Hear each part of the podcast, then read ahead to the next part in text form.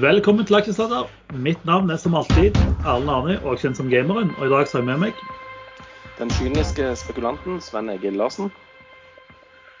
Og Jallakongen Erlend Henriksen. Og den kyniske raideren Lars Branningen. God dagen, gutter. Hyggelig å ha dere tilbake, selv om to av dere tydeligvis har blitt veldig kyniske i løpet av uken. Eh, skal vi begynne med disclaimeren, Lars? Det kan vi. Vi gir ingen råd. Dersom du hører på hva vi sier her om markedet, aksjer, enkeltaksjer og livet for øvrig, er ansvaret helt og holdent ditt eget. Programmet spilles inn live, og feil kan forekomme. Panelet og panelets gjester kan være lang, kort, direkte eller indirekte eksponert i aksjer, selskaper og produkter som omtales i programmet. Veldig bra. Hvordan har eh, siste uka vært? Skal vi begynne med Slemme-Sven, som nå har blitt kynisk, eh, Sven? Har du gjort noe spennende siste uka? Mm, nei, først av alt så har jeg lyst til å komme med et råd. Nei da, jeg bare tuller. Uh, for vi gir ingen råd. uh, hva var det jeg skulle si? Du skulle ja. si hva du har gjort siste uke. Har du gjort noen kule trades? Nei, ikke så jeg kan huske. Uh, men jeg har sett græla mye penger, men jeg husker ikke helt hvor. Uh, men, men. Samme det. Det Så bra. Uh, men uh, jeg falt helt ut. Jeg skulle snakke om noe, og så glemte jeg det. Ja, men da, da, bruker du litt tid på å hente deg inn igjen, så hopper vi over til pensjonisten Henriksen. Hva har du gjort siste uka? Jo, jeg, jeg har også tjent jævla mye penger. Så det er, Jeg vet ikke hva som skjer her, men jeg går inn i en aksje og ut mye høyere, og inn i en ny og ut mye høyere. Er, eh, jeg tapte litt på koa nå sist uke, men det var fordi jeg eh, tok et litt strategisk valg. Jeg valgte å gå ut under egen, egen inngang fordi smitteøkningen i Europa begynner å bli ganske ekstrem, så jeg er redd for en ny lockdown. Men det kan vi jo snakke om litt senere. Men eh, jeg har tatt uh, Otello, uh, gamle opera, restene av gamle opera, uh, som det har vært litt strid i det siste. Eh, storaksjonær gikk til angrep på en generalforsamling og ville velge nytt styre, men han tapte. Eh, hva heter det for noe? Eh, GS Nei, Sand Grow, storaksjonær. Tapte for så vidt den avstemningen, men allikevel så har styret nå tatt hans klager til følge. Eller det, det selskapets klager til følge og begynner å skille ut og børsnotere datterselskap. Og, så kursen begynner nå å dra opp. De har passert støtten på 18 kroner. Eller motstanden. Kraftig motstand på 18 kroner. Du vil ikke snakke mer om dette litt senere i sendingen, kanskje? Nå skal vi snakke, jo, kan vi jo sist uke at dette skal jo du snakke om hva som kommer. Nei, det, det er jo begge deler, dette her. Jeg er godt inne i det. Vi hopper videre til Lars. Lars, hva har du eh, bedrevet uka med? Ja, jeg har fulgt med på litt uh, aksjer som uh, plutselig begynte å stige ganske kraftig. Uh, og det er jo hyggelig, når det, i hvert fall når du sitter i dem selv. Og så har jeg begynt å fortsette å ta penger vekk fra bordet, fordi som jeg sa, jeg har alltid hatt en målsetting om å være mest mulig i cash når presidentvalget skal være. Det ser i og for seg ikke ut som det skal bli noe sånn spesielt uro der, men det er planen. Og, og man kan alltid være mye, i stor grad ute av markedet i løpet av noen ukers periode. Det gjør ingenting. Har du husket hva du sier, Sven? Eller er du ennå, eh, leter du ennå etter tunga? Uh, nei, jeg husker jeg har uh, kjøpt og solgt aksjer i noe som heter Havyard. Og så har jeg brukt deler av gevinsten til å kjøpe eh, obligasjonen i Havyard. Det gjorde okay. jeg. For det syns jeg var lurt. Det er en eh, obligasjon som forfaller i desember, faktisk. Så jeg håper jeg får 100 eh, tilbake på den. Det hadde vært kjekt. Ellers så har jeg pønska ut et, nytt segment som jeg tenkte vi skulle introdusere i, i, i, dag. Det er ukas pump and dump-aksje. Så den har jeg lyst til å snakke litt om litt senere. Det kan bli veldig bra jeg tenkte det skulle være en hemmelighet at nå kom liksom det segmentet, men nå har jo du avslørt at det kommer et nytt segment. Uh, ja, men senere. det kommer sikkert litt mot slutten av sendingen, sånn at de må høre Eller, eller midt i. Det vet vi ikke ennå. Eh, For det er veldig viktig å Plutselig. Plutselig. Plutselig så kommer ukas pump and dump. Bare ja. følg med. Ja. Veldig bra. Nei, eh, min, min uke har faktisk vært eh, egentlig kopi av uka før. Eh, jeg har trada havjord. Den har vært ganske spennende opp og ned og fram og tilbake. Jeg har drevet og trada eller shorta Koa. Det har vært litt mindre spennende. Men jeg tror ikke på at de har på magisk vis penger, eller tjener mye penger, så da tenker jeg at short der er bra. Eh, ellers har jeg gjort som Lars og tatt litt penger vekk fra bordet, fordi jeg begynner å bli litt skeptisk til USA og, og valget der borte. Eh, og vi har fått ganske mye spørsmål rundt valget. Eh, nå vet jeg jo at eh, Erlend, du satt jo oppe i natt og så på debatten. Lyst til å gi 25 sekunders recap på hva du syns om den? Dette var jo noe helt annet. Nå hadde Trump tydeligvis lyttet til sine rådgivere, noe han veldig sjelden gjør, og avbrøt nesten ikke i det hele tatt. Biden fikk lov å snakke mye friere. Det var veldig vanskelig å påvise noen symptomer på senilitet hos Biden i natt. Eh, og Trump var eh, både høflig og relativt velformulert innimellom. Skled litt tilbake i, i, gamle forklaringer når han kom til koronasituasjonen og osv. Men uavgjort, vil jeg si. Den debatten den vippet ikke noe flertall noen veier. Eh, hvis man leser på Trumps Twitter-konto, så gjorde den selvfølgelig det i hans favør, men veldig nøytral debatt. Fordi det, det, mange lurer litt på, nå har jo, eh, Det er flere som har spurt om hva, hva tenker vi om presidentvalget, hva tror vi blir eh, utfallet av børs og sånne ting. og Det er det jo ingen som vet. Eh, Lars, du har jo sagt at du har fortsatt å, å, å cashe litt ut og, og vekte deg ned. Men eh, Sven, hva, hva, gjør du mot valget? Du, kjører du all in med giring, eller er det litt sånn eh, roligere strategi? Nei, nå, nå, tenker jeg litt motsatt av, av dere. da. Uh, dere tar av uh, chips fra, fra, bordet. Men hvis alle tenker sånn, så skal du jo absolutt ikke gjøre det. Så da tenker jeg at nei, vi får se. Jeg har uh, jeg er investert i en del aksjer og har òg en del cash, så, men jeg har ikke tenkt noe sånn spesielt. Kanskje ikke det dobbeltgira over valgnatta, da. Så følge med. Men det folk, eh, det folk, har vært redd for før, eller påstått at man, markedet ville være redd for, det var jo at Biden ville øke skattene så kraftig og øh, andre ting som gjør at børsen vil gå rett ned. Men øh, det er jo ikke noe tvil om at markedet Wall Street nå syns det Biden sier nå, etter at han ble nominert, er helt greit.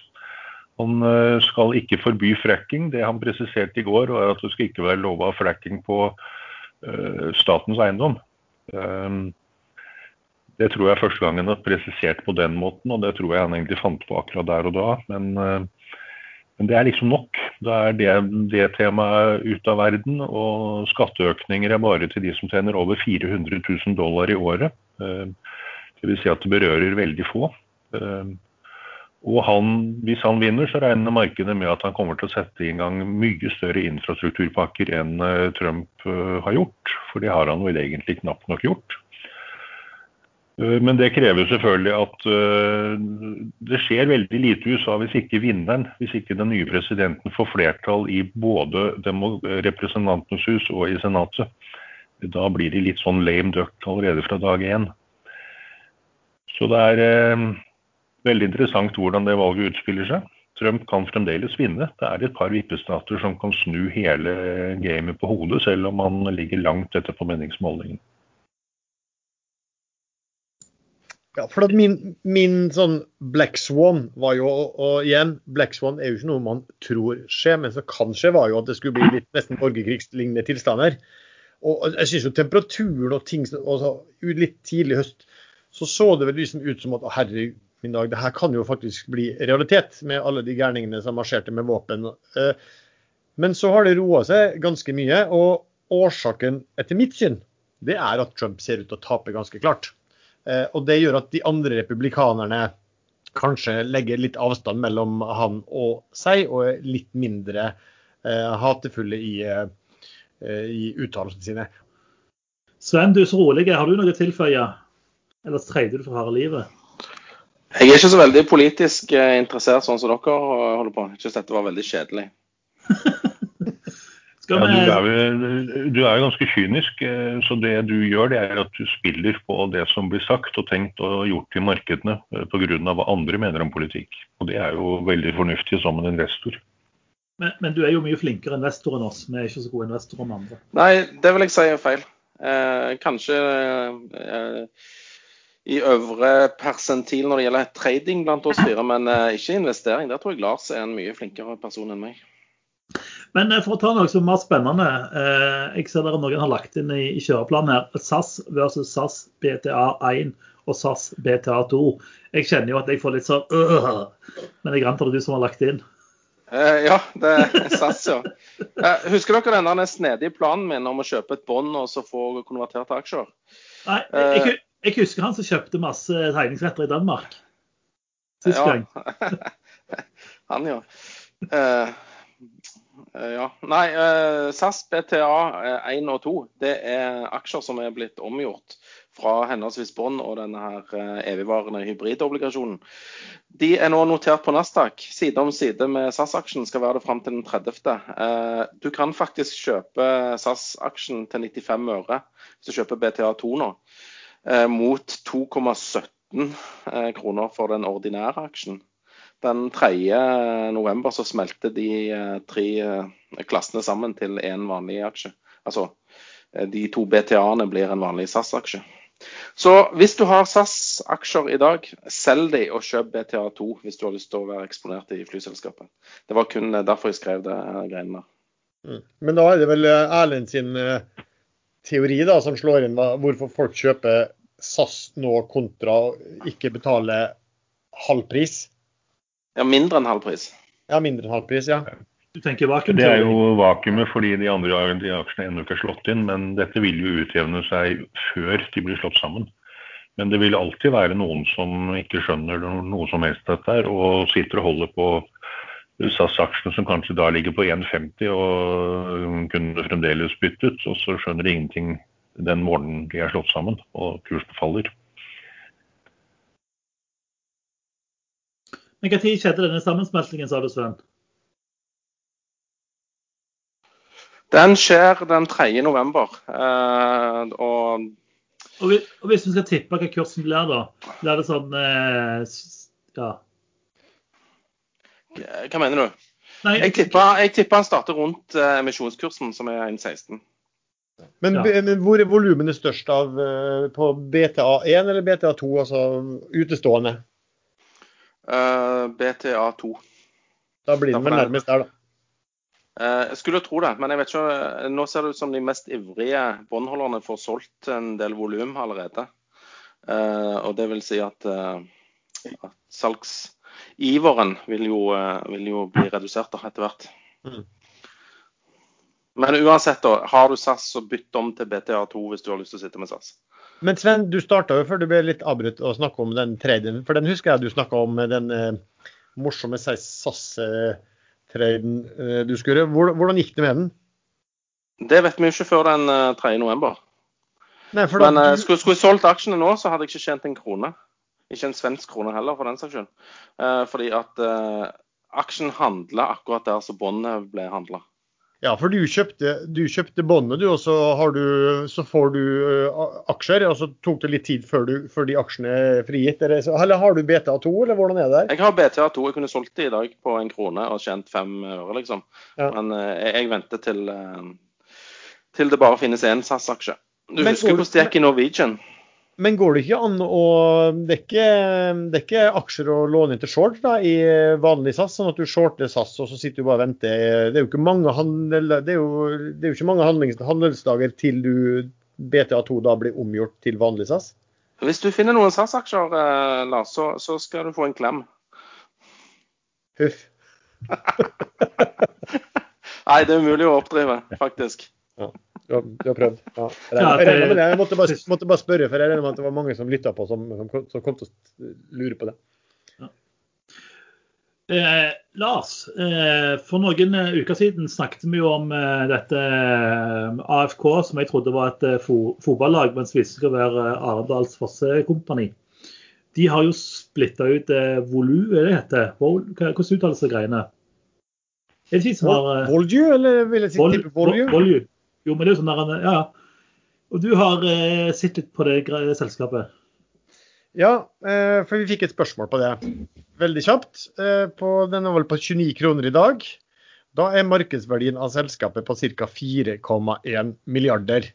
Eh, og de henta jo 1 milliard da på 32, eh, vel, i, i IPO-en, som har falt en 10 siden det. Eh, de hent, eller er ikke riktig at de henta en, en milliard. De hadde henta 500 millioner i emisjon, og så gjorde de et eh, AFK, altså Arendals Fossekompani, som var da eier, gjorde et stort nedsalg også på 500 millioner. Eh, bare sånn helt kjapt hva selskapet de, de, de, altså Voljo er et nytt selskap. De slo sammen fire selskap, eh, og som driver innenfor eh, energi og mm, kraftnett, altså powergrid og infrastruktur.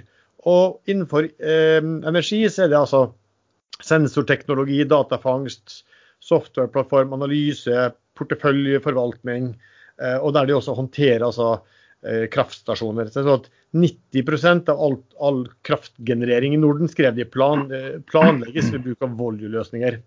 Så har de også Powergrids med kraftnett. Det går på å optimalisere med løsningene med øke utnyttelsen i kraftnettet, sikkerhet, effektivitet, ja, redusere behov for investeringer. Og så har de infrastruktur som stort sett går på altså, de kaller det for digital water management eh, water, mot utilities, altså vannverk. da. Eh, og eh, ja, jeg tror Det her var litt vanskelig å, å, regne på, men jeg tror at de har en sånn etter henta inn kapital, så har de en bokført verdi, en egenkapital på ca. 800 millioner. Så sier at de priser på en prisbok på fem da etter hvert. Eh, så så jeg litt på første halvår. Eh, i eh, hvordan de, de, tallene ser ut der. Eh, og finner vel egentlig ut at i dag så ligger da selskapet an til, med den takten de har, på eller har driftsresultat på knappe 100 millioner kroner i året. Det er eh, egentlig ikke noe eh, spesiell vekst eh, siste året. De hadde en veldig sterk vekst i i driftsresultatet, men ikke i omsetning, fra 2018 til 2019. Så har de en brukbar topplinjevekst da, fra 2019 og inn i 2020, uh, uten at driftsresultatet er noe særlig bedret. Så, så for å konkludere, da, at si at selskapet prises til 4,1 milliarder, har 700 mill. i cash. Hvis du bare tar bort den cashen, så kan vi snakke om en sånn enterprise value uh, på 3,4 milliarder. Og, og for det så får du et selskap som i dag leverer 100 mil i driftsresultat. Såkalt EV-EBIT-forhold på 34. Hvis du da tar bort skatt og, og disse cash-positive, eller finanspositive, men tar du vekk skatt sånn cirka, så, så, finner jeg ut at de, når jeg tar bort den cashen, så, så prises de da til 40 PP på 44. Eh, så er det opp til enkelte. Jeg, jeg sliter med å se at det er eh. Det er mulig at de områdene med seg, de, de har blitt kalt litt sånn grønn. Eh, fordi, men det er jo, for meg så framstår det mer ut som mer, det er mer digital, eh, digitale løsninger til hva skal si, vannverk og energisektoren og, og, og kraftverk. Eh, men kort tid, men det, ser jo ikke, ikke, akkurat ut som, som, Det er jo ikke at resultatene deres er noen sånn voldsom eh, framgang. Eh, I hvert fall på den, den, lille, den, lille perioden, den, lille, perioden, de skrev i, i introduksjonsdokumentet sitt. Eh, og som sagt, P på 44 når du holder bort eh, cash, det er i, på ingen måte billig. Da er det innbakt store, uh, stor vekst i, uh, i resultatene framover. Det er ingen som har lyst til å kjøpe den aksjen her nå, Lars? Eh, nei, jo, det kan godt være. for Det er bare å ha antakelser om hvordan de skal vokse. Og så er det mange som vil da si at ja, men disse er grønne. Og så, må jeg bare si at det her er en liten sånn, Vi har skrevet litt om det på, på Ekstremester også. at Jeg syns faktisk det her med at det er forskjell på å levere til grønne aktører hva som helst, og å være en grønn aktør selv. Og Det brukte jeg som eksempel på at ekstrainvestor. Vi hadde sending for Agilux eh, i denne uken. Selv om vi leverer til en grønn aktør, så betyr ikke at ekstrainvestor dermed er grønn. Men, men, det er litt sånn, eh, men, men digitalisering er jo uansett da, i, i, skuddet, det også. Så, Så det, det kan godt være, være, alt. Jeg tipper meglerhusene har sikkert veldig sånn, gode vekst, at dette skal vokse og vokse og vokse, og en megatrend. Og da kanskje man da synes at de multiplene er spiselige. Men jeg er litt sånn, jeg vil ikke ta for mye for gitt i framtiden. Så det, for, for, min del så er det ikke noe som er så interessant å kjøpe, i hvert fall. Ja, nå syns jeg du brukte veldig mye tid på å snakke om en aksje som du ikke eide. Ja, det var egentlig fordi vi fikk spørsmål på den, så, så derfor tenkte jeg vi kunne si bare litt om hva det var for noe. Nei, jeg bare tøyser. jo, men det, det, det er viktig. Altså, er, Vi får jo masse spørsmål om masse aksjer hver uke. Eh, og veldig mange tror jo at hvis bare vi snakker om en aksje, så snakker vi positivt. Men de aksjene vi plukker ut, prøver vi å grave oss litt ned i og finne korrekt info. Så det må jo ikke være positivt. Jo, nei, jeg vil veldig gjerne at uh, ekstrainvestor ikke får grønt stempel. Da blir vi bare kalt for grønnskålinger uh, når vi holder på der. og det, det er ille nok som det er. Ja, gudene skal vite hva de kaller oss nå. Ja. Men uh, bare siden du snakket om PE på 40. For noen uker siden snakket jeg om en traust kjedelig aksje som heter Kid. Da var den på vel 80, 81. Nå er den på 94.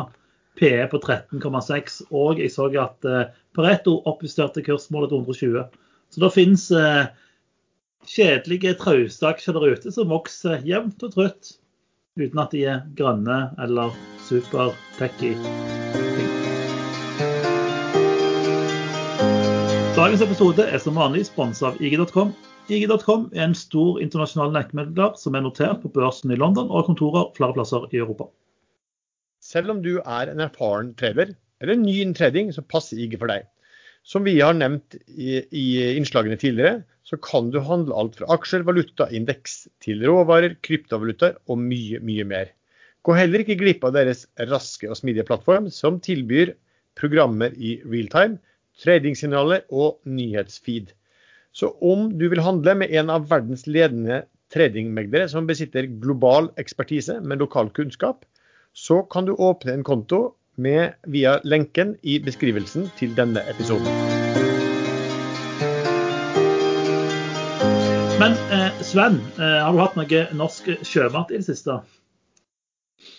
Det er lenge siden jeg har hatt eh, både reker og krabbe nå. Det var godt du egentlig sa det. Det er fredag, og det hadde frista litt, faktisk. Ja. Men du, du, du, prøver å lure meg, du. Du eh, prøver å få meg til å snakke om den IPO-en som falt i fisk. Det er, det er, helt korrekt. Jeg lurer litt på om folk er metta av IPO-er. Nei, men altså, det, det, er litt kult, da. fordi at du, du får, eh, her, her, får du et, et, selskap du sikkert kan regne på. Eh, uh, traust sjømatselskap. Nei, det skal vi ikke ha. Det kan vi jo regne på. Det er jo helt forferdelig, dette her. Det, nei, vekk med det. Få inn noen sånne hydrogenboblegreier som vi ikke kan regne på. Det, de, de, de flyr. Eller en sånn Ikke eh, sjakkapp. Der gikk Otello i 20.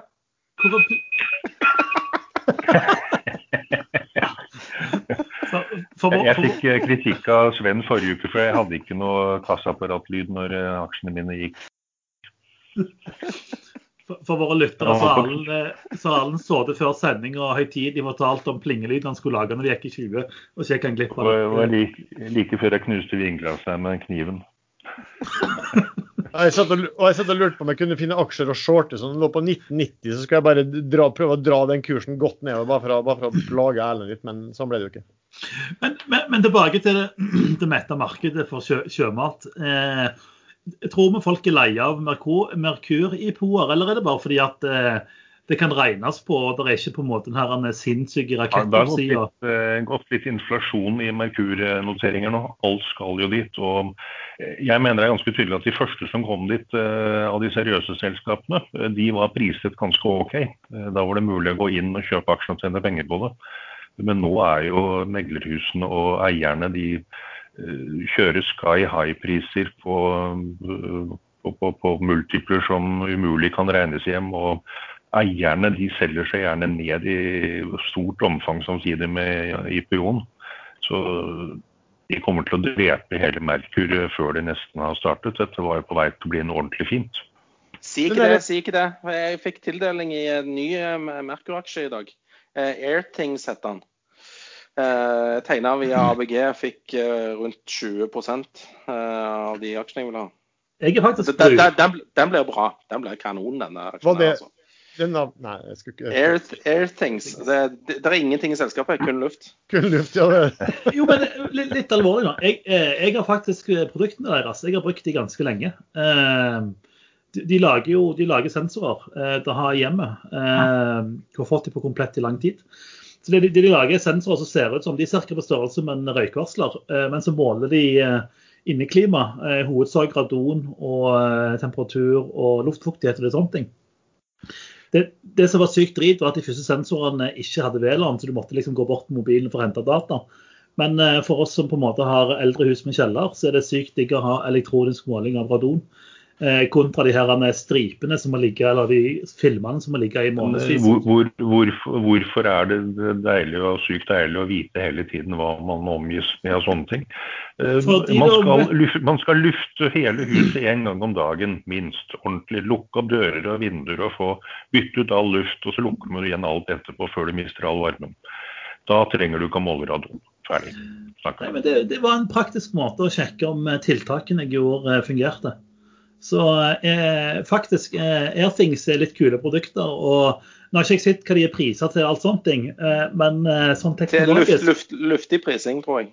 ja, men, men teknologisk så er produktene veldig bra, og det er veldig lite konkurranse i det segmentet de ligger i, fordi elektroniske målere på den Faradon radon er skitdyrt. Så her koster de eh, det, 900 kroner per, per enhet.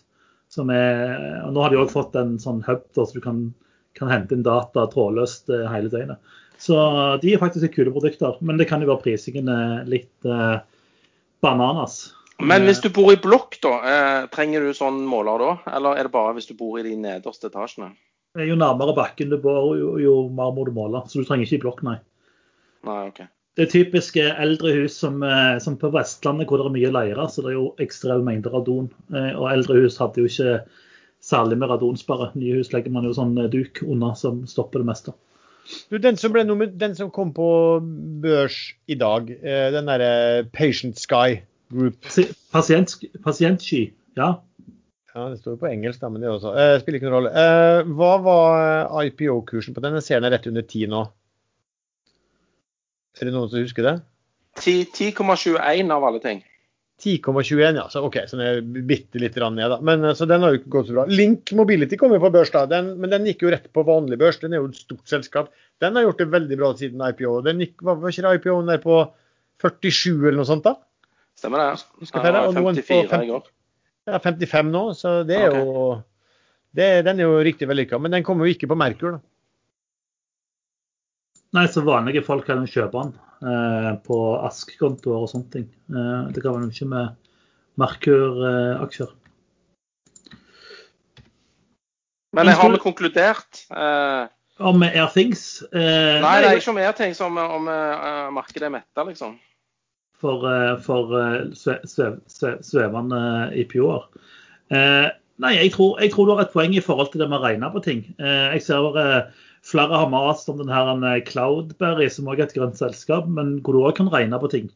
Eh, og folk bare den skal gå. Nei, den går ikke fordi du kan regne på hva de faktisk tjener. Så jeg vet ikke om markedet er metta, men eh, det virker jo som folk senker risikoen.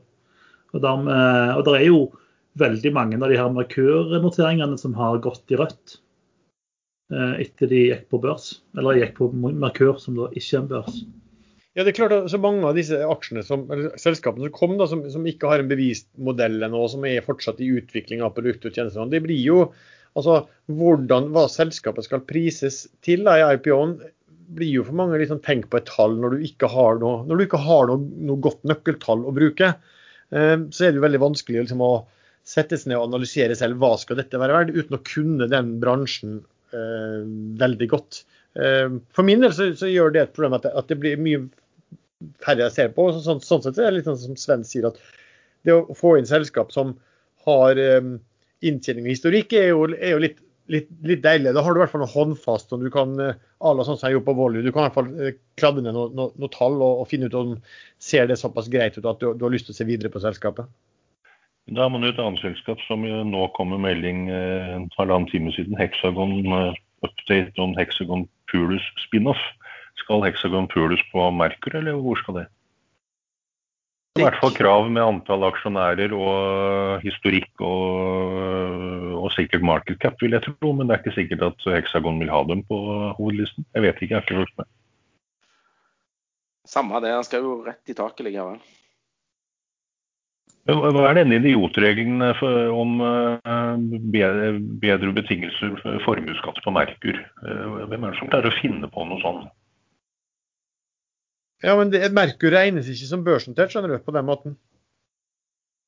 Det er grunnen. Du, du har høyere, Hvis du eier selskap i et unotert selskap, så, så er det litt andre regler etter på en type illikvid eh, aksje du eier i, hvordan den kan prises. Um, og... Det er fordi at Oslo Børs garanterer for at du ikke skal tape penger på verken hovedlisten eller Aksess. Mens de på Merkur, der driter de i det.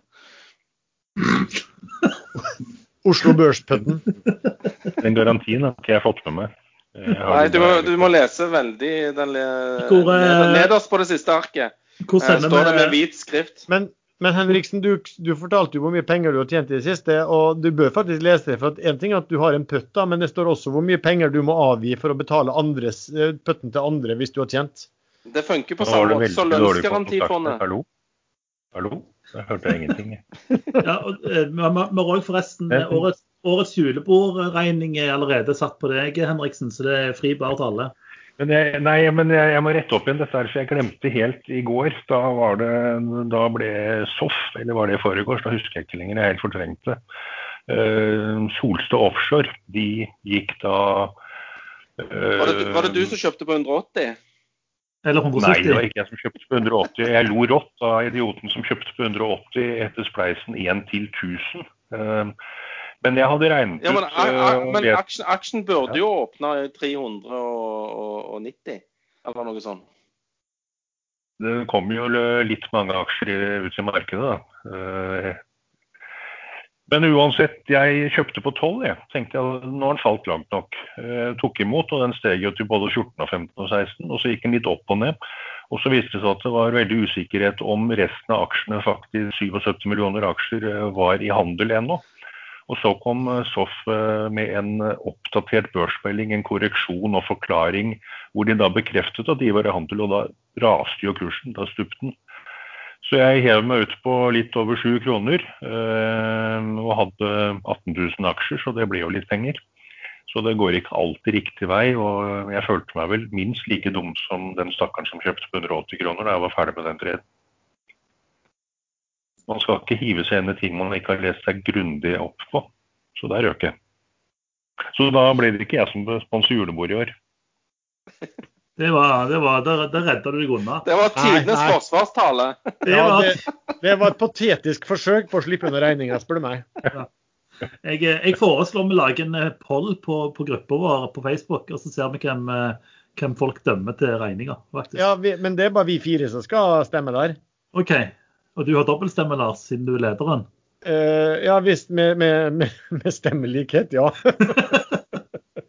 Men eh, du, du, nevnte smell, Arlen. Eh, det var jo en eh, stjernesmell denne uka i eh, PCIB. Eh, siden eh, du er vårt delvise biotek-alibi. har du sett noe på, på, den?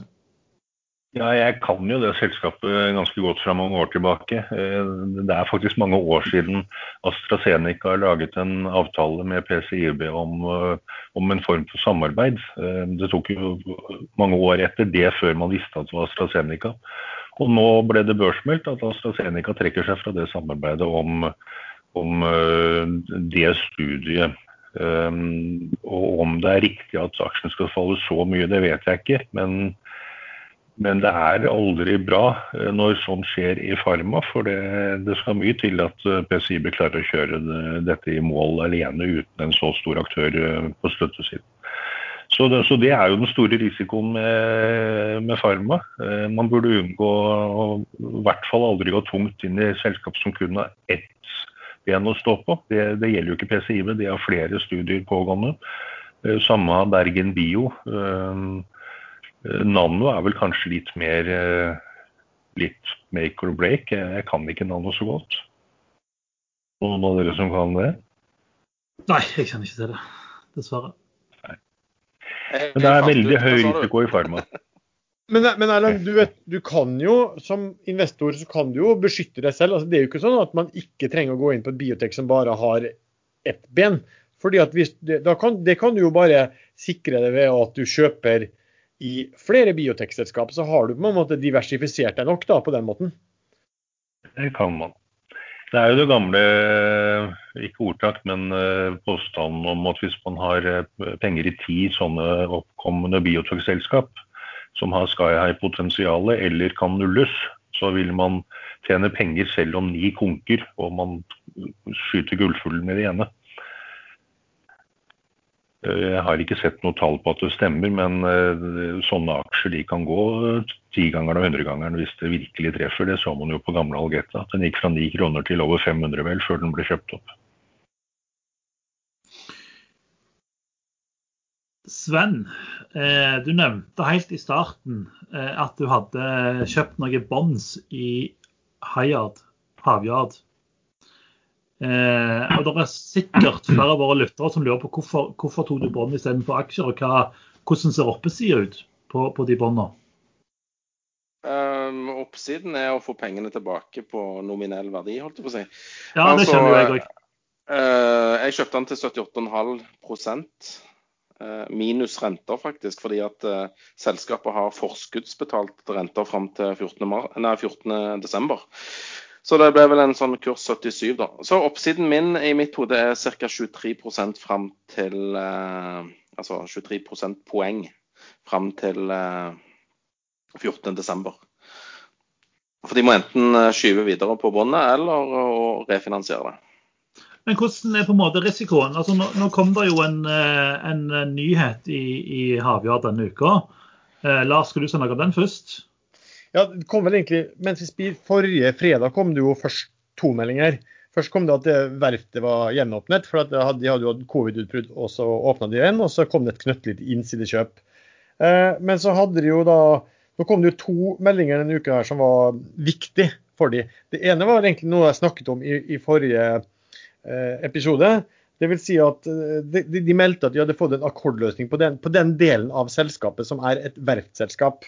Eh, og som da gjorde at egenkapitalen, alt ettersom hvordan du regner det, ble bedret fra 60 millioner kroner til 100 millioner. I mitt sånn forsiktige måte så ble det forbedra med 100 millioner, jeg lå lavere fra før.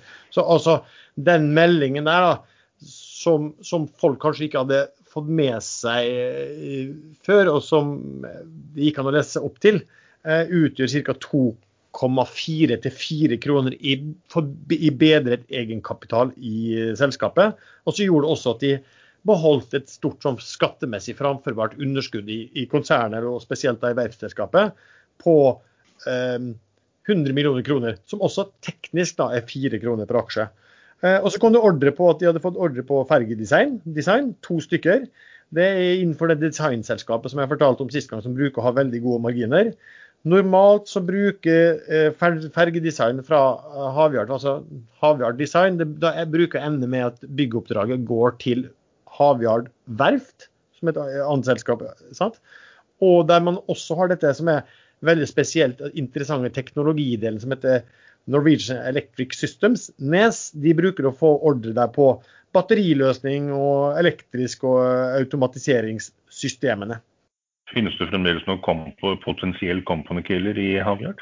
At det er noe underliggende som plutselig ikke faller på plass, og så var det borte? De har jo, de har jo lån Sven har jo et bånd der som forfaller nå i desember, som har vært flytta på veldig mange ganger. ikke sant? Eh, og det skal jo løses de bygger jo båter fortsatt, ikke sant. De, de, de kan ikke la de båtene gå på noen, noen, store smeller sånn som de har gjort tidligere. Akkurat nå så bygger de bare båter som de har bygget før. Det er nesten aldri da de får smell. Smellen kommer på nye typer da. Du risikerer at Sven kommer til å nekte å forlenge båndet neste gang og konke hele selskapet og ta pengene dine? Ja, men det er jo det her som er litt sånn syke, da. Fordi at, som jeg snakket om, de gode delene. Hvis du regner om eh, hvis du regner om hvordan de hadde gjort det i første halvår, så hadde de altså driftsresultat på 40 millioner. Altså si at de gode delene, hvis, hvis det er samme takten i andre hold, så har du, har du, hadde du hatt en god del som leverer eh, 80 millioner kroner i driftsresultat på ett år. Eh, og et selskap på, hvis et selskap som kan en del som leverer 80 millioner kroner i driftsresultat på ett år, ikke kan klare å få finansiert et 80 millioner kroner bånd, da har de noen helt elendige finansielle rådgivere. Og jeg vet nemlig at det, det, det når jeg ser hva, hva rådgiverne, altså meglerhuset som, som Harvard bruker, hva de har eh, satt eh, av transaksjoner og til hvilke priser i markedet, eh, så vil det overraske meg. Men som sagt, nå regner jeg om et halvårstall til årstall, og her har det vært veldig volatilt. Så det, det, hvordan det ser ut på et år, det vet jeg ikke. det var egentlig litt mer en hypotetisk problemstilling. og Dessuten vet jo vi alle at Sven aldri noensinne ville funnet på å gjøre noe sånt. men, men tilbake, tilbake, til Sven litt. altså, Det er to, to, ting. Det ene er jo på en måte Sven, er du der? Ja, slutt å mase. Så bra. Eh, det ene er jo på en måte risikoen. Kan du risikere at eh, hele båndet ditt ryker? Og det andre er på en måte Det er sikkert lyttere som tenker å, jeg òg vil handle bånd. Hvordan handler man bånd? Kan vi ikke kalle det for det norske ordet obligasjoner heller? Jo, obligasjoner. Eh, men, men, det høres ut som jeg, som jeg, har mer peiling når jeg sier båndet. Ja. Eh, men eh, det er en obligasjon, da. Det er liksom et gjeldsinstrument som jeg spiller på. Nei, du, du, ringer obligasjonsmegleren din. Alle burde ha et par stykker av de tilgjengelig til enhver tid. De jobber òg eh, ofte utenom arbeidstid, altså det, det, er veldig kjekt. Du kan kjøpe brons hele døgnet, egentlig. Så, eller obligasjoner, da, som det egentlig heter. Nei, du, du ringer megleren. Er det minstepris? Kan jeg gå og handle bonds for lunsjpengene mine på 500 kroner, liksom? Ja, i Havjordbåndet, obligasjonen, så kan du faktisk det. For der er minstesatsen én krone. Men jeg, jeg, tror ikke han obligasjonsmegleren blir så veldig glad i deg. Han skal jo ha sin kutt, han òg. Så la oss si minstekurten er 500 kroner, da, så får du null, null obligasjoner for det. ja, for han tar alt til, til sine lønnspenger. han skal ha mat, han òg. Ja, jeg, jeg, jeg skjønner. Men, eh, men, du, jeg, du, nei, jeg vil ikke anbefale noen som ikke vet hva et bånd eller en obligasjon er, å handle obligasjoner. Det, plutselig så var penger borte fordi at uh, en eller annen sveiser hadde glemt å sveise eller et eller annet. Så sank hele driten obligasjoner generelt, at, at, prisbildet er vanskelig å få tak i. ikke sant? Det ligger jo ofte ikke priser ordentlig. ordentlig veldig uoversiktlig, uoversiktlig, veldig lite likvid. Du må ringe folk du vet har eh, eh, obligasjonen, liksom, og høre om de har lyst til å selge eller kjøpe eller whatever. Ja. Så om, veldig lite gjennomsiktig marked. Og meglerhuset beholder ofte veldig mye. fordi at du kan ringe inn og så kan du si at ja, vi, har, vi, kan, vi kan, få satt det, det, det, det du har på 80. Eh, og så oppdager du da at han som har kjøpt det, han har betalt 83. Ikke sant? Det er jo sånn, Sven, at uh, det er en del penger ja. som forsvinner her imellom her. For sånn, så det er ikke sånn på børs at du betaler. Men, men etter Mifid så står det faktisk på sluttseddelen den uh, marginen som megler tar. Uh, det, det, gjorde det ikke før. Nei. Så de er blitt litt flinkere. Jeg betalte en, en, en halv prosent da. I, nei, 0,25. Så Spredden var da en halv prosent. Ja, jeg betalte 78,5 og, og selger fikk 78. Ja, det men det er jo helt greit. Ja.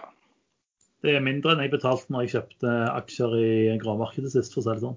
Noe av det jeg kan, det er jo øh, å se øh, jalla kurspotensialet når noe først stikker. Øh, og Havjard, den, den, er ikke så veldig vanskelig å analysere teknisk. Og at den skulle opp til til eh, rundt ti, eh, litt i underkant av ti, det, det, lå i kortene.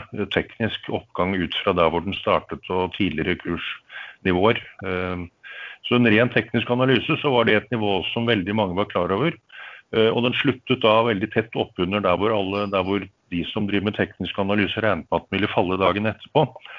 Men da kom det en ny melding som dro den videre opp dagen etter. Og Da gikk den til over 12, og det var en sånn uh, overskyting, som man kaller det på tekniske språket. Uh, selv om det var en motstand helt opp på 13 som den kunne dra opp til. Men uh, aksjer går ikke rett til himmels. De må konsolidere og hente nye, nye krefter. og Gamle investorer selger seg ut og nye kommer inn. Så nå ligger kursen på rundt 7,80, og det virker som et veldig stort fall.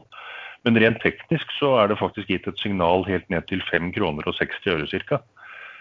Eh, men jeg tror fremdeles at den skal opp til 13, og kanskje enda høyere, ut fra det fundamentale og tingene som skjer. Eh, men jeg har ikke den nå, fordi jeg ser potensialet for å få kjøpt den mye billigere enn i dag. Jeg har kjøpt tilbake litt aksjer igjen. Jeg, jeg, fikk, jeg lånte ut 25 000 aksjer til shorting òg. Så det var en, en, en, som lånte de. Han lånte de en hel dag. Så det var jo morsomt. Men, men hvor mye renter fikk du på den? Fikk du virkelig 30 rente? Nei, det er årlig rente, da, så jeg fikk jo Nei. sikkert uh, Jo, jo, men det, det er jo mye likevel. En tyggis. Det, det, er jo likevel mye. Jeg betaler 7 for de co-aksjene jeg har lånt. Ja, men det, jeg tror ikke det er så veldig lett å få tak i Havjord-aksjer til, eh, til låns, liksom. Coa var det tomt i shortpoolen, så du måtte ringe og få lånt? Ja, ja. Jeg, jeg, kunne låne SAS-aksjer faktisk for en måned siden til 500% Ja, det er jo aggressivt. Nei, jeg, jeg, hadde jeg fått lånt hele 16 på 1 million aksjer, så hadde jeg faktisk tjent en sånn 700 000-800 000 på den treden, selv å betale 500% Ja, det er jo uh, hyggelig. Jeg har fått en del gaming-spørsmål denne uka. Uh, jeg har faktisk ikke uh, lest meg opp, for jeg har ikke hatt tid, så da kommer heller mer gaming neste gang. Men Eh, sist gang så nevnte jeg jo et eh, norsk studio som slapp et spill. Denne uka er det et annet norsk studio som heter Pineleaf, som ligger i Trondheim, som har sluppet et spill som heter Dwarfheim. Jeg syns det er kult at norske spillselskaper lever og slipper spill. Eh, Pineleaf er det faktisk mulig å kjøpe aksjer i, men de har pris seg selv helt latterlig, så jeg vil ikke kjøpe. Nå er det sikkert noen som er sure på meg, men eh, men eh, de, de, er litt for dyre. Men det er kult spill de har. Så um, det er på en måte ukens eh, gaming for de som liker det. Lars, eh, på mandag kommer det jo et nytt selskap på børs. Skal du fortelle litt om det? Ja, det gjør det. Etter en overtegnet emisjon på 100 millioner kroner går Oceansun på børs i Oslo på mandag, da 26.10, med en verdsettelse på 810 millioner kroner. Oceansund har utviklet et banebrytende kunnskap innen flytende solenergi, som både kan redusere utbyggingskostnaden og øke energiproduksjonen og driftssikkerheten sammenlignet med andre løsninger på markedet. Flytende solkraft er i dag på et tidlig stadium i forhold til landfast sol, til tross for det enorme potensialet fra vannreservoarer, innsjøer og kystnære farvann. Og markedet er forventet å vokse raskt framover. Oceansin med sin unike, gjennomprøvde og lønnsomme løsning forventer derfor høy og tiltagende etterspørsel framover. Og den friske egenkapitalen fra emisjonen vil gjøre organisasjonen bedre i stand til å møte denne veksten. For mer informasjon se oceansund.no. Dette er et sponset innhold. Men eh, Erlend, eh, vi fikk et ganske kult spørsmål denne uka. Og det var noen som lurte på eh, om det fantes aksjer som gjorde det bra i mars da alt falt. Og du har jo satt inn der med kaffekoppen det... og, og bladd igjennom eh, 72 000 aksjer eller noe sånt. ting. Og, og, og ja, på kanskje ikke mer enn 72 aksjer, men har, eh, på TradingView så ligger jeg inne med mange tikker. Og det er jo alt fra blue chips til eh, det ordentlige verste jalla. Eh, og i alle bransjer. Eh, alle eh, Fra olje til bank og det man så i mars da det knakk, det var at alt falt. Absolutt alt. Jeg har ennå ikke klart å finne en eneste aksje i, blant mine 72 i alle sektorer som ikke falt. Eh, det er jo mye med, med bootsene som jobber på børsen, at det dumpes bare ut. Og, kjøperne forsvinner. Eh, men så kom det relativt kjapt eh, noen aksjer som skilte seg ut. Og det var fordi investorene begynte å regne på hvilke aksjer kan profitere på det som skjedde. Og Det var jo da spesielt farmaaksjer som begynte å dra godt i gang. Og mange av de ligger nå mye høyere enn de lå før krakket i mars. Veldig mye høyere. Uh, Gilead er litt annerledes. Den begynte å stige allerede i januar pga. Uh, at uh, Remdesivir ble nevnt allerede i januar som en mulig behandling mot uh, korona. Så den steg 40% fra januar til den toppet ut i mai. Og nå er den helt tilbake på utgangspunktet, fordi WHO har sagt at det ikke funker. Men i går av en eller annen merkelig grunn så kom amerikanske FDA ut og godkjente det som en standardbehandling, så da skal den sikkert litt opp igjen. Men det tror jeg er en politisk avgjørelse, at de har pushet den gjennom. Og det er mye penger med i spillet. Uh, Gilead, er det et amerikansk selskap, eller er det Jeg tror det jeg tror det er amerikansk. Så det er mye kontakter og øh, mye politikk i dette. Men øh, alt av olje falt jo, men de hadde jo allerede begynt å falle før. Og det er veldig lite oljerelatert som har øh, krabbet så veldig mye høy opp over buden fra mars. Eh, og det gjelder jo også alle som leverer til oljeindustrien, som seismikk. Eh, jeg klarte ikke å finne et eneste seismikkselskap som har gått noe mer enn litt opp, og så ligget flatt etterpå. Eh, gaming eh, det har også gått veldig bra, eh, en del av det. Det kan du sikkert mye mer om.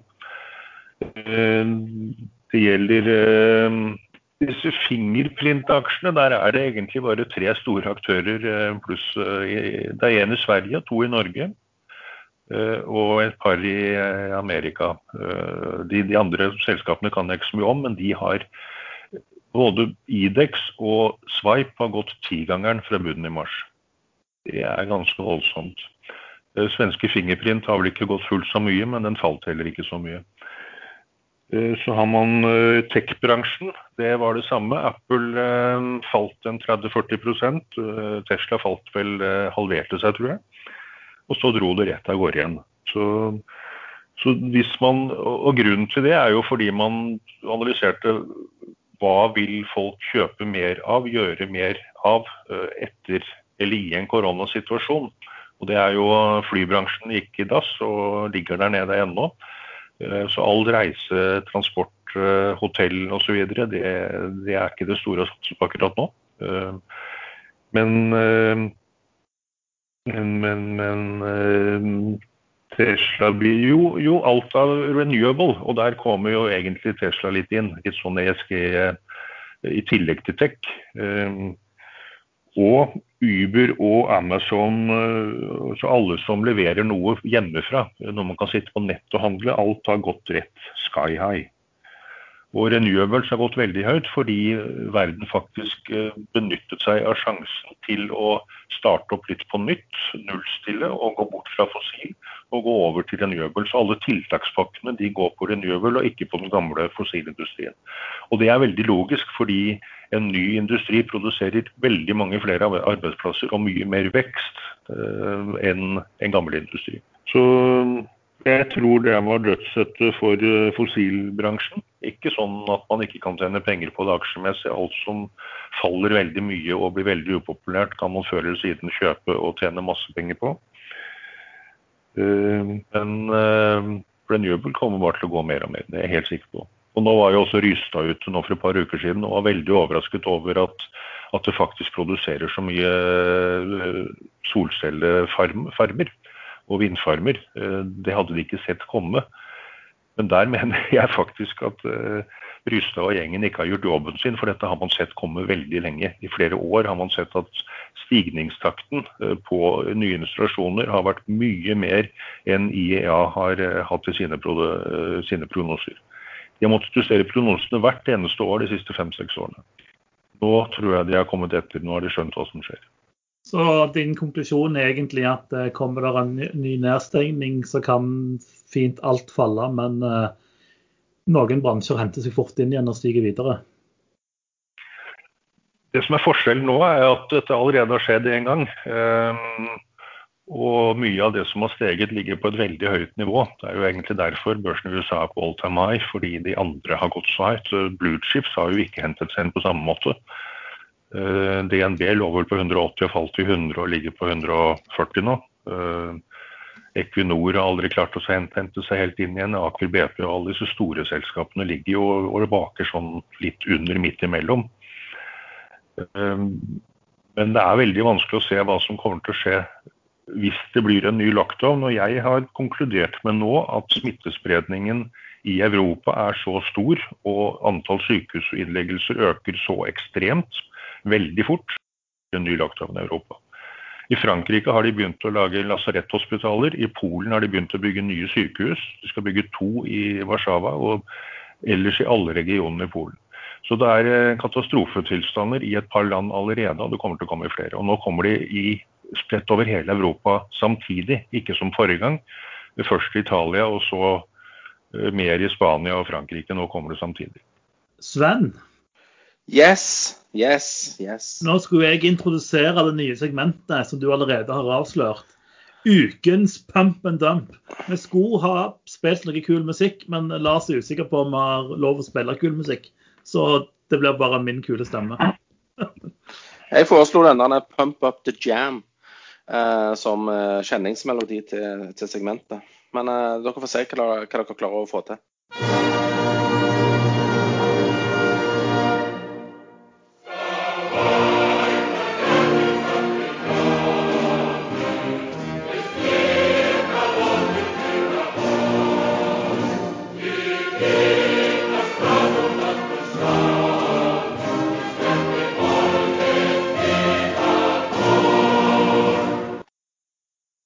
Aksjer det sto mellom eh, denne uken. Eh, Men før jeg forteller, forteller hvilken aksje det er, så må jeg bare få si at jeg snakka med en obligasjonsmegler i dag, da. Eh, noen timer før vi skulle spille inn dette her. Og de hadde jo De hadde jo hatt en sånn samtale rundt lunsjbordet på hvilken aksje kommer aksjesladder med i dag, og de hadde da tippa Saga. Saga Tankers. Jeg kunne jo da avkrefte at eh, det var ikke Saga Tankers. Men uansett, ukas eh, pump and dump fra min side er da Wilhelm Wilhelmsen A-aksjen. Eh, Og vet dere hvorfor jeg har tenkt på den som ukas pump and dump? Eh, nei. Fordi at ut forbi Farsund, og den tror jeg jeg snakket om for eh, noen måneder siden, så lå det syv bilskip i opplag. Nå er det bare to igjen. Det betyr at fem bilskip har forlatt opplaget og er nå tilbake i trafikk.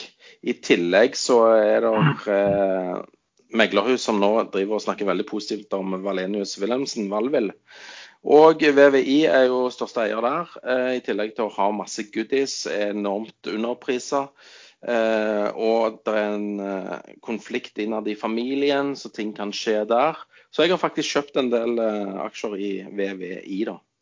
Utlendinger og, og damer kan kjøpe VVIB. Eh, den har da ikke stemmerett, men eh, er ellers eh, likestilt.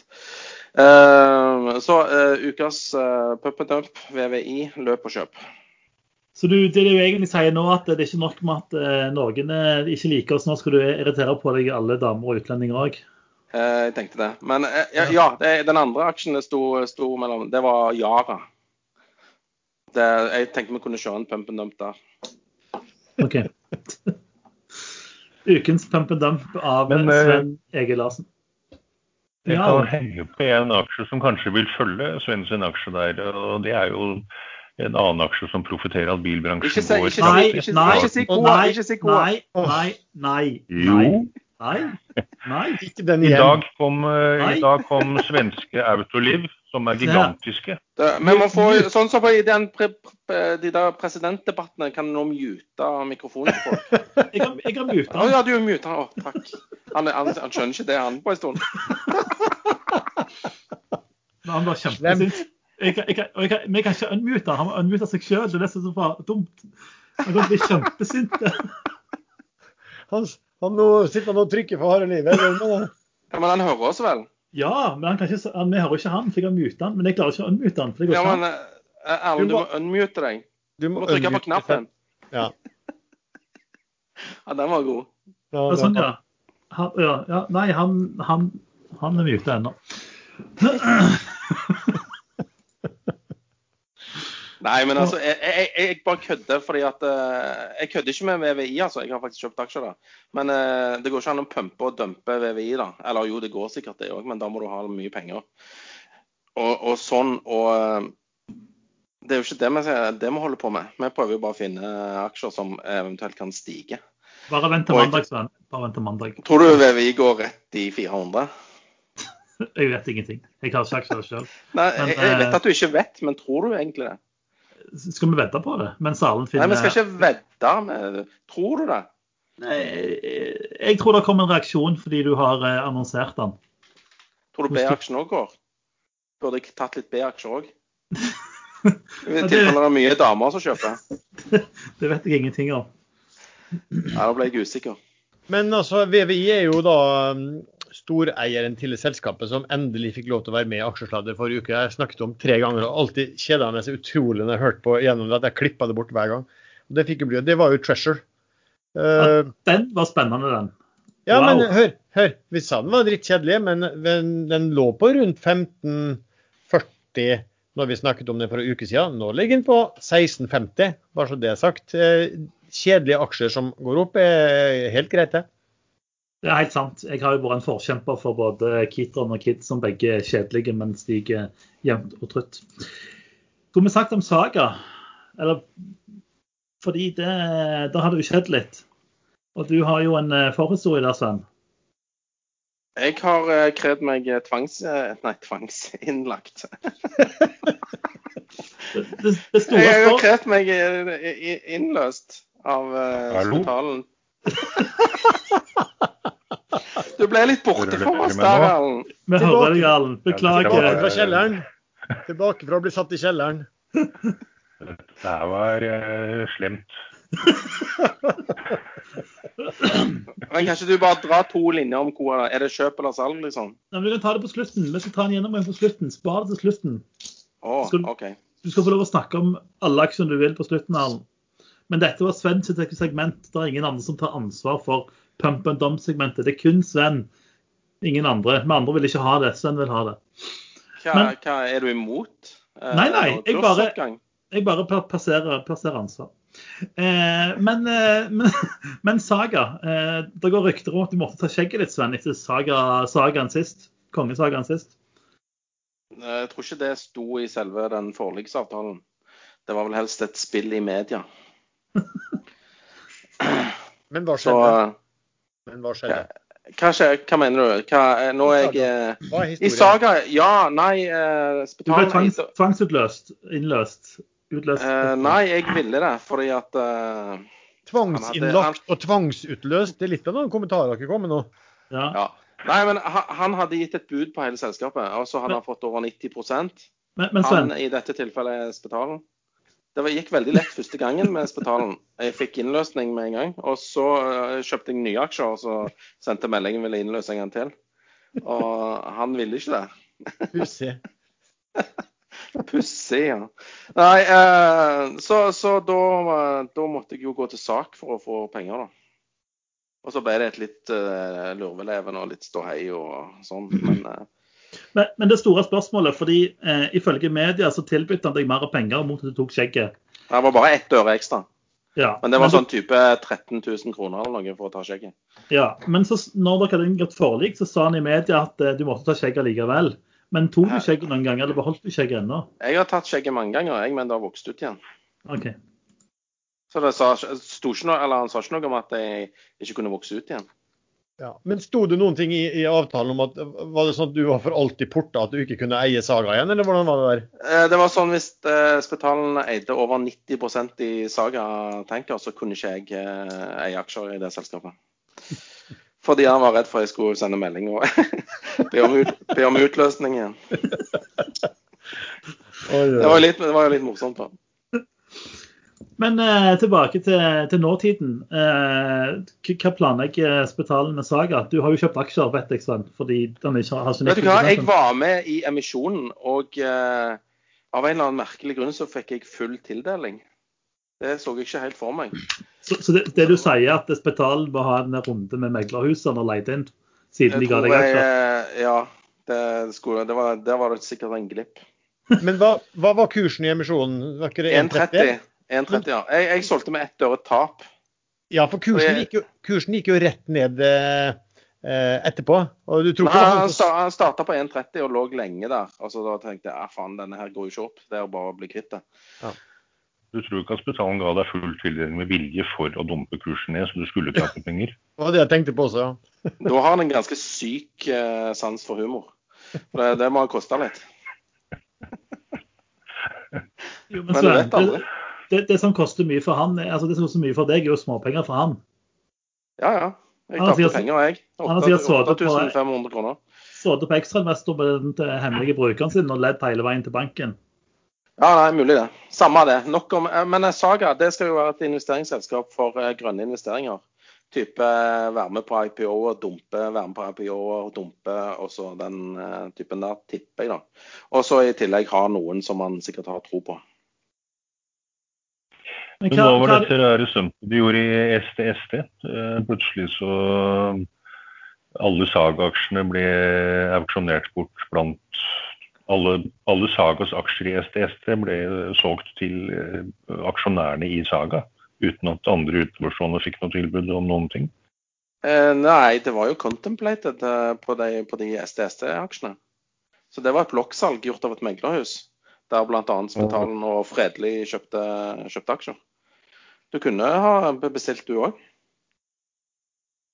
Nei, STS det har jeg hatt dårlig feeling med lenge, helt fra den lå oppe på langt opp på ett-tallet. Men, spørs men, spørsmålet her er på altså Han skal jo inn og, sant, og lage dette her om til et miljøselskap. Kommer han, eller ESG-selskap, eller hva man skal kalle det, kommer han litt sent til partiet? Og så ble vel altså Saga-emisjonen satt til en pris på, til over Nav, mens investeringsselskap generelt prises jo gjerne fort med 20-30 til Nav på børsen. Ehm, så spørsmålet er kommer han, kommer han sent til partiet, og, og, kommer eh, det selskapet til å kunne bli priset til en eh, premium på Nav eh, framover? Nå stiller du mange gode spørsmål.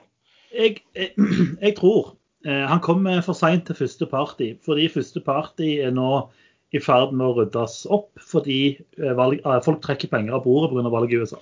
Men hvis Biden vinner i USA, så skal han bruke 2000 milliarder dollar på ESG. EU driver og planlegger å bruke milliardvis på ESG. Er det 750 milliarder euro, hvis det er tatt fra hukommelsen. Disse pengene er jo ikke kommet på bordet ennå. De ligger jo bare i forhandlingspapirene ennå. Så når valget er ferdig og folk er ferdige og kaster stein og malingsspann og egg og tomater på føderale bygninger i USA, så kommer det jo fryktelig, fryktelig, fryktelig mye penger som skal inn i ESG. Og da tror jeg det kommer en ny opptur. Så jeg tror egentlig ikke han er for seint ute. Han er for seint til den første bølgen, men eh, det kommer en eh, bølge to som er funda av statlige penger ad mass. Akkurat som en pandemi, rett og slett? Kanskje. Jeg vet ikke. Altså, det, det, er bare min, min, tanke. For har vi sett noe til EU-pengene? Altså, denne plastskatten som Quantafuel skal leve på, er jo en skatt som blir innført for å finansiere eh, nei, det var, Glem det, det er ikke noe tullegg. Den er innført for, eh, for å finansiere covid-responsen, ikke ESG-bølger. Men eh, det kommer tiltak ad mass, og de er jo ikke på bordet ennå. Det kommer masse hydrogenpenger i Europa, blant ja. annet grønn hydrogenutvikling. Så jeg tror jeg ser på Nell-kursen her nå, den er jo opp over 5% inn i dag. og Den har jo blitt dømt nå litt generelt fra veldig mange aktører nord og ned. At nå er toppen nådd, og nå skal den bare ned, men den drar opp igjen. Men jeg tror helt sikkert sånn Spetalen og co. De, de, har jo et enormt nettverk. Det er nok mange spennende selskap som du kan gå inn og investere i ganske tidlig nå, fortsatt. Og kanskje bidra til å Eh, til å bygge opp, og så ta på børs. Det er ikke sikkert at du får om en stund de prisene du får i dag, men du kan sikkert gjøre det eh, bra uansett, for dette er et veldig stort område.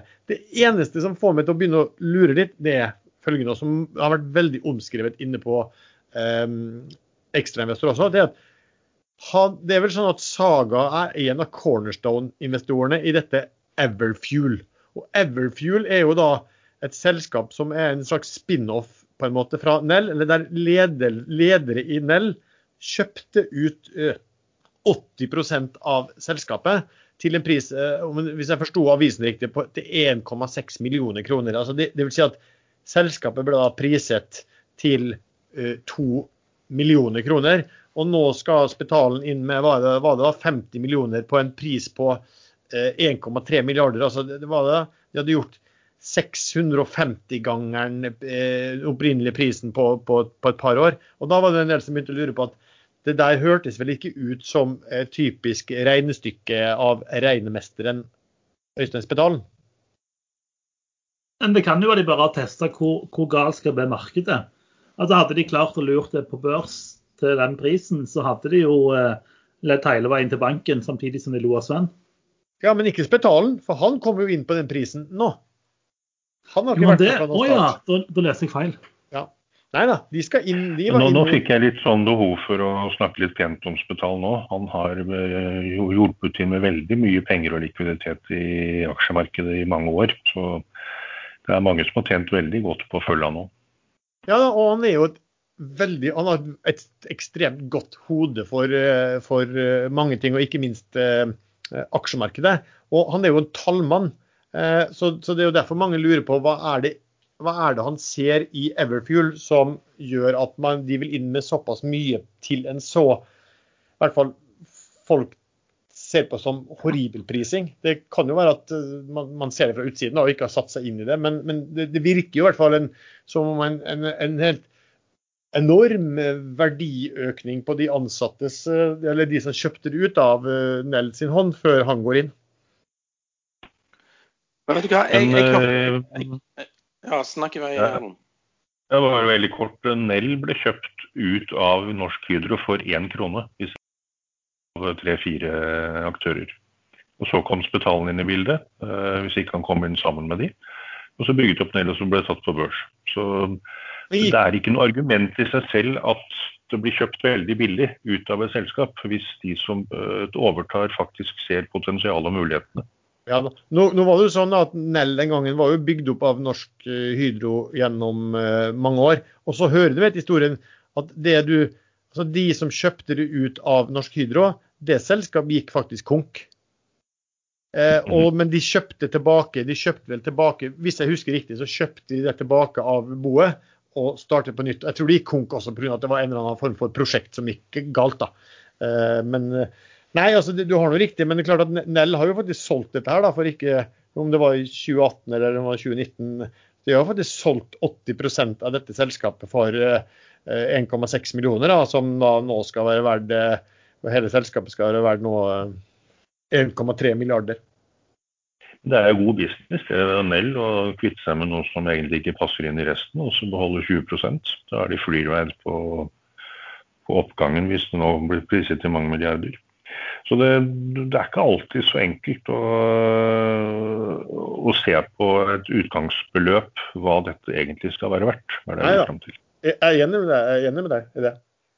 Eh, skal vi snakke litt om uka som kommer? Eh, Arlen, du ville jo snakke om eh, en aksje du har potensial i. Så du skal få lov å begynne å prate litt om det. Hva du investerer i uka som kommer. Jeg vil bare først veldig kort nevne at uh, det jeg anser som min beste trade i den uka som var, det var at jeg solgte Soff litt over syv kroner etter at jeg hadde kjøpt på tolv kroner like før. Uh, fordi det er en Når man gjør en tabbe, så må man ut. Man skal ikke sitte og prøve å hente inn igjen penger. Det var en feil. Jeg skjønte ikke hva som skjedde. Uh, ut med den. Det anser jeg som min beste trade. Egentlig min beste trade i år. At jeg tapte masse penger på den der. Komme ut i tide. Nå er kursen halvparten. Men eh, jo, eh, Otello er eh, veldig interessant. Det, det som eh, skjer er at den store aksjonæren eh, da har gått inn og krevd litt opprydning, og nå skiller de ut og skal børsnotere et datterselskap i, i Brasil av alle steder. Men det er fordi de visstnok har veldig mange brukere der borte. Og Så må man se litt på multipler og sånn, hva som tilsvarende selskap eh, prises til. Og da er rangen veldig stor, for man vet ikke helt om man kan sammenligne så enkelt. Men eh, DNB har et kursmål på base case på 26 kroner og best case på 39 kroner. Eh, Og i går, eller foregårs, husker ikke, da var eh, den analyse, analytikeren i DNB som har dette caset, han eh, ble sitert i Finansavisen på at han mener at den kan gå mangegangeren. Og når kursen lå på 15 kroner når han sa det, og, øh, og base case er 26, så er egentlig ikke det mangegangeren. Så, så jeg vil tro det vil komme en oppdatert analyse fra DNB på Otello, som kanskje gir et mangegangerpotensial, også over best case på 39. Så den har jeg tenkt å sitte og holde på. Jeg er såkalt long-long i den. Helt til jeg ikke er det lenger. Det var akkurat det jeg skulle, skulle si også. Kjempelang. And it's gone. Men eh, du hadde rotet deg bort til bilbransjen òg, Erlend. Eh, som du ville snakke om. Bilbransjen. Det fikk jeg ikke lov. Jeg ble mute, muta, sa det. Jo, men det var kun på Pump and Dump. det. Nå, er det, Ja. nå skal du få se hva du vil. Ja. Nå kan du snakke, og så kan jeg klippe. Det svenske selskapet Autoliv, som er gigantisk, de kom med veldig god kvartalsrapport eh, i dag, og kursen eh, gikk rett opp. Men de er så store, så 1 eller 2% stigning for dem er mye. Eh, akkurat nå så ligger de Skal vi se Ja, de, de ligger eh, 13-14 kroner opp. Det er et par prosent. Eh, men de var eh, veldig mye høyere. Kursen var på 7,67 på det høyeste, nå er den på 7,51. Og den sluttet i går på 7,30 igjen. Eh, Men når Autoliv har gjort det så bra, så tyder alt på at også Coa kan gjøre det bra. Eh, De har som tidligere nevnt både cash og en factoring-avtale på, på, på salg, så de får inn pengene raskt og burde ha likviditet langt ut til 2021. Jeg er ikke så sikker på om kanskje Q3-tallene er så gode. Det kan jo være at de har valgt å kjøre nye avskrivninger og rydde enda mer i skapet. Men eh, guidingen for Q4 tror jeg de kommer til å, til å være litt sånn bajas på. Um, og da kan aksjen gå mye. Nå er det, eh, nå er det Q3-tall nå 31. oktober. Kursen går eh, relativt pent nå, eh, rundt eh, 20 øre. Den startet jo på 13 for et par uker siden. Og emisjonen var på 10 øre, så man kan ikke klage på kursstigningen siden emisjonen. Eller hvis man var så heldig å kjøpe nesten på bunn, som jeg var sist. Jeg er helt ute nå. Eh, Jeg tror kursen kanskje som vanlig rett før Q-tall, så vil noen eh, som har spekulert i kursoppgang, de vil kaste seg ut, og da vurderer jeg å kjøpe meg inn igjen. Men blir det full lockdown i Europa, så tror jeg markedet priser den aksjen kraftig ned eh, på tross av både guiding for Q4 og annet. Så er, jeg liker ikke et risikobilde der akkurat nå. Lars, noe du ser på neste uke, eller er det, fyller du fortsatt safen hjemme med cash og hermetikk? Eh, ja, jeg gjør egentlig det. Men jeg, kan ta en, en liten en på mm, eh, ADS Crude Carriers, som man kan være litt uh, nysgjerrig på. Uh, nå har de solgt, de, de har eid tre tankbåter, de har solgt alle. I holdning til analytikerne så blir det liggende 26 kroner per aksje igjen i cash. I starten når det selskapet ble notert, så var det sånn at her skulle de gjøre disse investeringene. Og så skulle alle pengene tilbake igjen til, eh, til eh, aksjonærene. Eh, og så er det vel spørsmål om da hva, hva nå? For de, de har tydeligvis begynt å ansette en i det selskapet også, sånn, om det var en sånn commercial officer og sånn, som, som ikke akkurat tydet på at de skulle legge ned. Um, så uh, spørsmålet er hvor mye av de pengene deler de ut eh, til aksjonærene? Deler de ut alt, eller beholder de en hel del og skal investere videre i skip? For det er jo sånn at med en gang du investerer i et skip, så blir det priser med rabatter til net asset value. Så, så du, for å si sånn enkelt, da, hvis du tar 20 kroner og kjøper tankere for det på eh, et selskap, så vil de 20 kronene kanskje prises til ja, 15-16 kroner eller et eller annet sånt eh, omtrent dagen etterpå. Eh, I Finansavisen så var han sitert styrelederen i ADS, som sa at de har ikke noe ønske om å bli sittende på et pengebenge. Han skal sitert på nei, vi har ingen planer om å bli sittende med en masse penger. Vi kommer til å betale ut så mye som mulig til aksjonærene. Blir det aktuelt å kjøpe skip igjen, så vil vi gå ut i markedet for å hente penger, sier han. Om det betyr da at skal tolkes som at de skal betale ut alt, eller hvor mye, det er litt usikkert. Men deler de ut alt, da, så er det i hvert fall for 20 så er det jo da 30 grei oppside. Um, og det er ikke sikkert det faller så mye heller hvis de bestemmer seg for å um, investere i uh, nye båter. Så den kan være grei å holde og følge med. Jeg tror det skal være et styremøte, og en, en, et styremøte 18.11. på det der, så da burde man vite mer. Andre Jeg eier for øvrig ikke den nå, fordi at jeg vil sitte mest mulig i cash. Men det kan jo være at jeg eier den på mandag. Hvem vet. Andre ting du ser på i uka som kommer, Lars? Nei.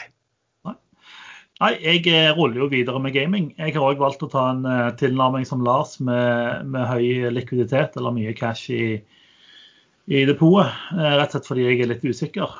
Selv sikker gaming som Embracer har jeg valgt å vekte litt ned i, fordi jeg syns det er mer risiko i markedet. Ellers så kommer jeg nok til å trade ha- Havjard videre neste uke. Jeg syns den er en, en gøy aksje med mye bevegelse. Eh, fortsatt eh, en del risiko i forhold til de tingene vi prater om, men eh, den har vært en god traderaksje for meg. I motsetning til Erlend så har jeg ikke tro på KOA. Jeg har vært og lånt meg en haug med aksjer for å kunne shorte. Fordi det var ikke tilgjengelig i shortpool. Og det sier meg at det er noen andre som har vært ute på samme ærend. Enten så har de shorta allerede, eller så sitter de og ruger på aksjene, sånn som jeg gjør, for å shorte en del av seg. I motsetning til Erlend så ligger jeg eh, faktisk 750 eh, kroner i minus med shortinga mi, eh, fordi det er ikke alltid man tjener penger på det heller. Men jeg, jeg ser ingenting som tilsier at Coa får mer betalt for produktene sine. Ja, de har fjerna noe, noe, kostnad, men de får ikke ingenting som sier de får mer betalt for produktene. Erlend nevner factoringavtale. For meg så lukter det at de kundene har bedt om ekstremt lange betalingstider, som betyr at mer margin forsvinner i factoringavtalen. Så jeg, eh, jeg, tror eh, Det kan godt være at de har økt produksjon, men jeg tror de fortsatt har eh, dårlige marginer på, på det de produserer. Så det blir litt gøy å følge da, hvem, hvem tar rett og hvem tar feil av Erlend Erlend. Så uh, stay tuned for the epic battle. Sven, noe mer du vil si på slutten? Uh, før vi ja, ja, ja, ja.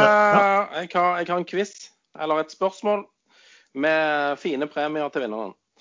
Det er, det er, et selskap på Oslo Børs som eier 40% av et unotert hydrogenselskap. Hvilket? Vil du lytterne skal svare på det, eller? Vi svarer. Ja, de kan sende melding til Lars eh, på mobil. Eh, 99... Nei. Nei da. Bare, se, uh, Har du noen mailadresse? De kan ha Konkurranse.ekstrainvestor.com. Hva er tikkeren på dette selskapet? Altså det som eier 40% av hydrogenselskapet. Det er jo ukas konkurranse. Da takker vi for alle som har lytta til dagens episode. Eh, har du ris eller ros eller ønsker å stille spørsmål, så kan du bli med i gruppa eh, podkasten Aksjesalder på Facebook. Hver torsdag legger vi ut en tråd der hvor folk stiller spørsmål som vi plukker ut til, eh, til å svare i programmet. Det er eneste plass du kan stille spørsmål. Alle som sender meldinger til meg eller til Lars eller til Sven eller Erlend, slutt. Legg i den lista der, fordi da har vi alle spørsmål en plass. Musikken er som vanlig lagd av kjast.com. Husk å gi oss fem stjerner på Apple eh, eller iTunes podkast eller hva det heter. Ha en fin helg.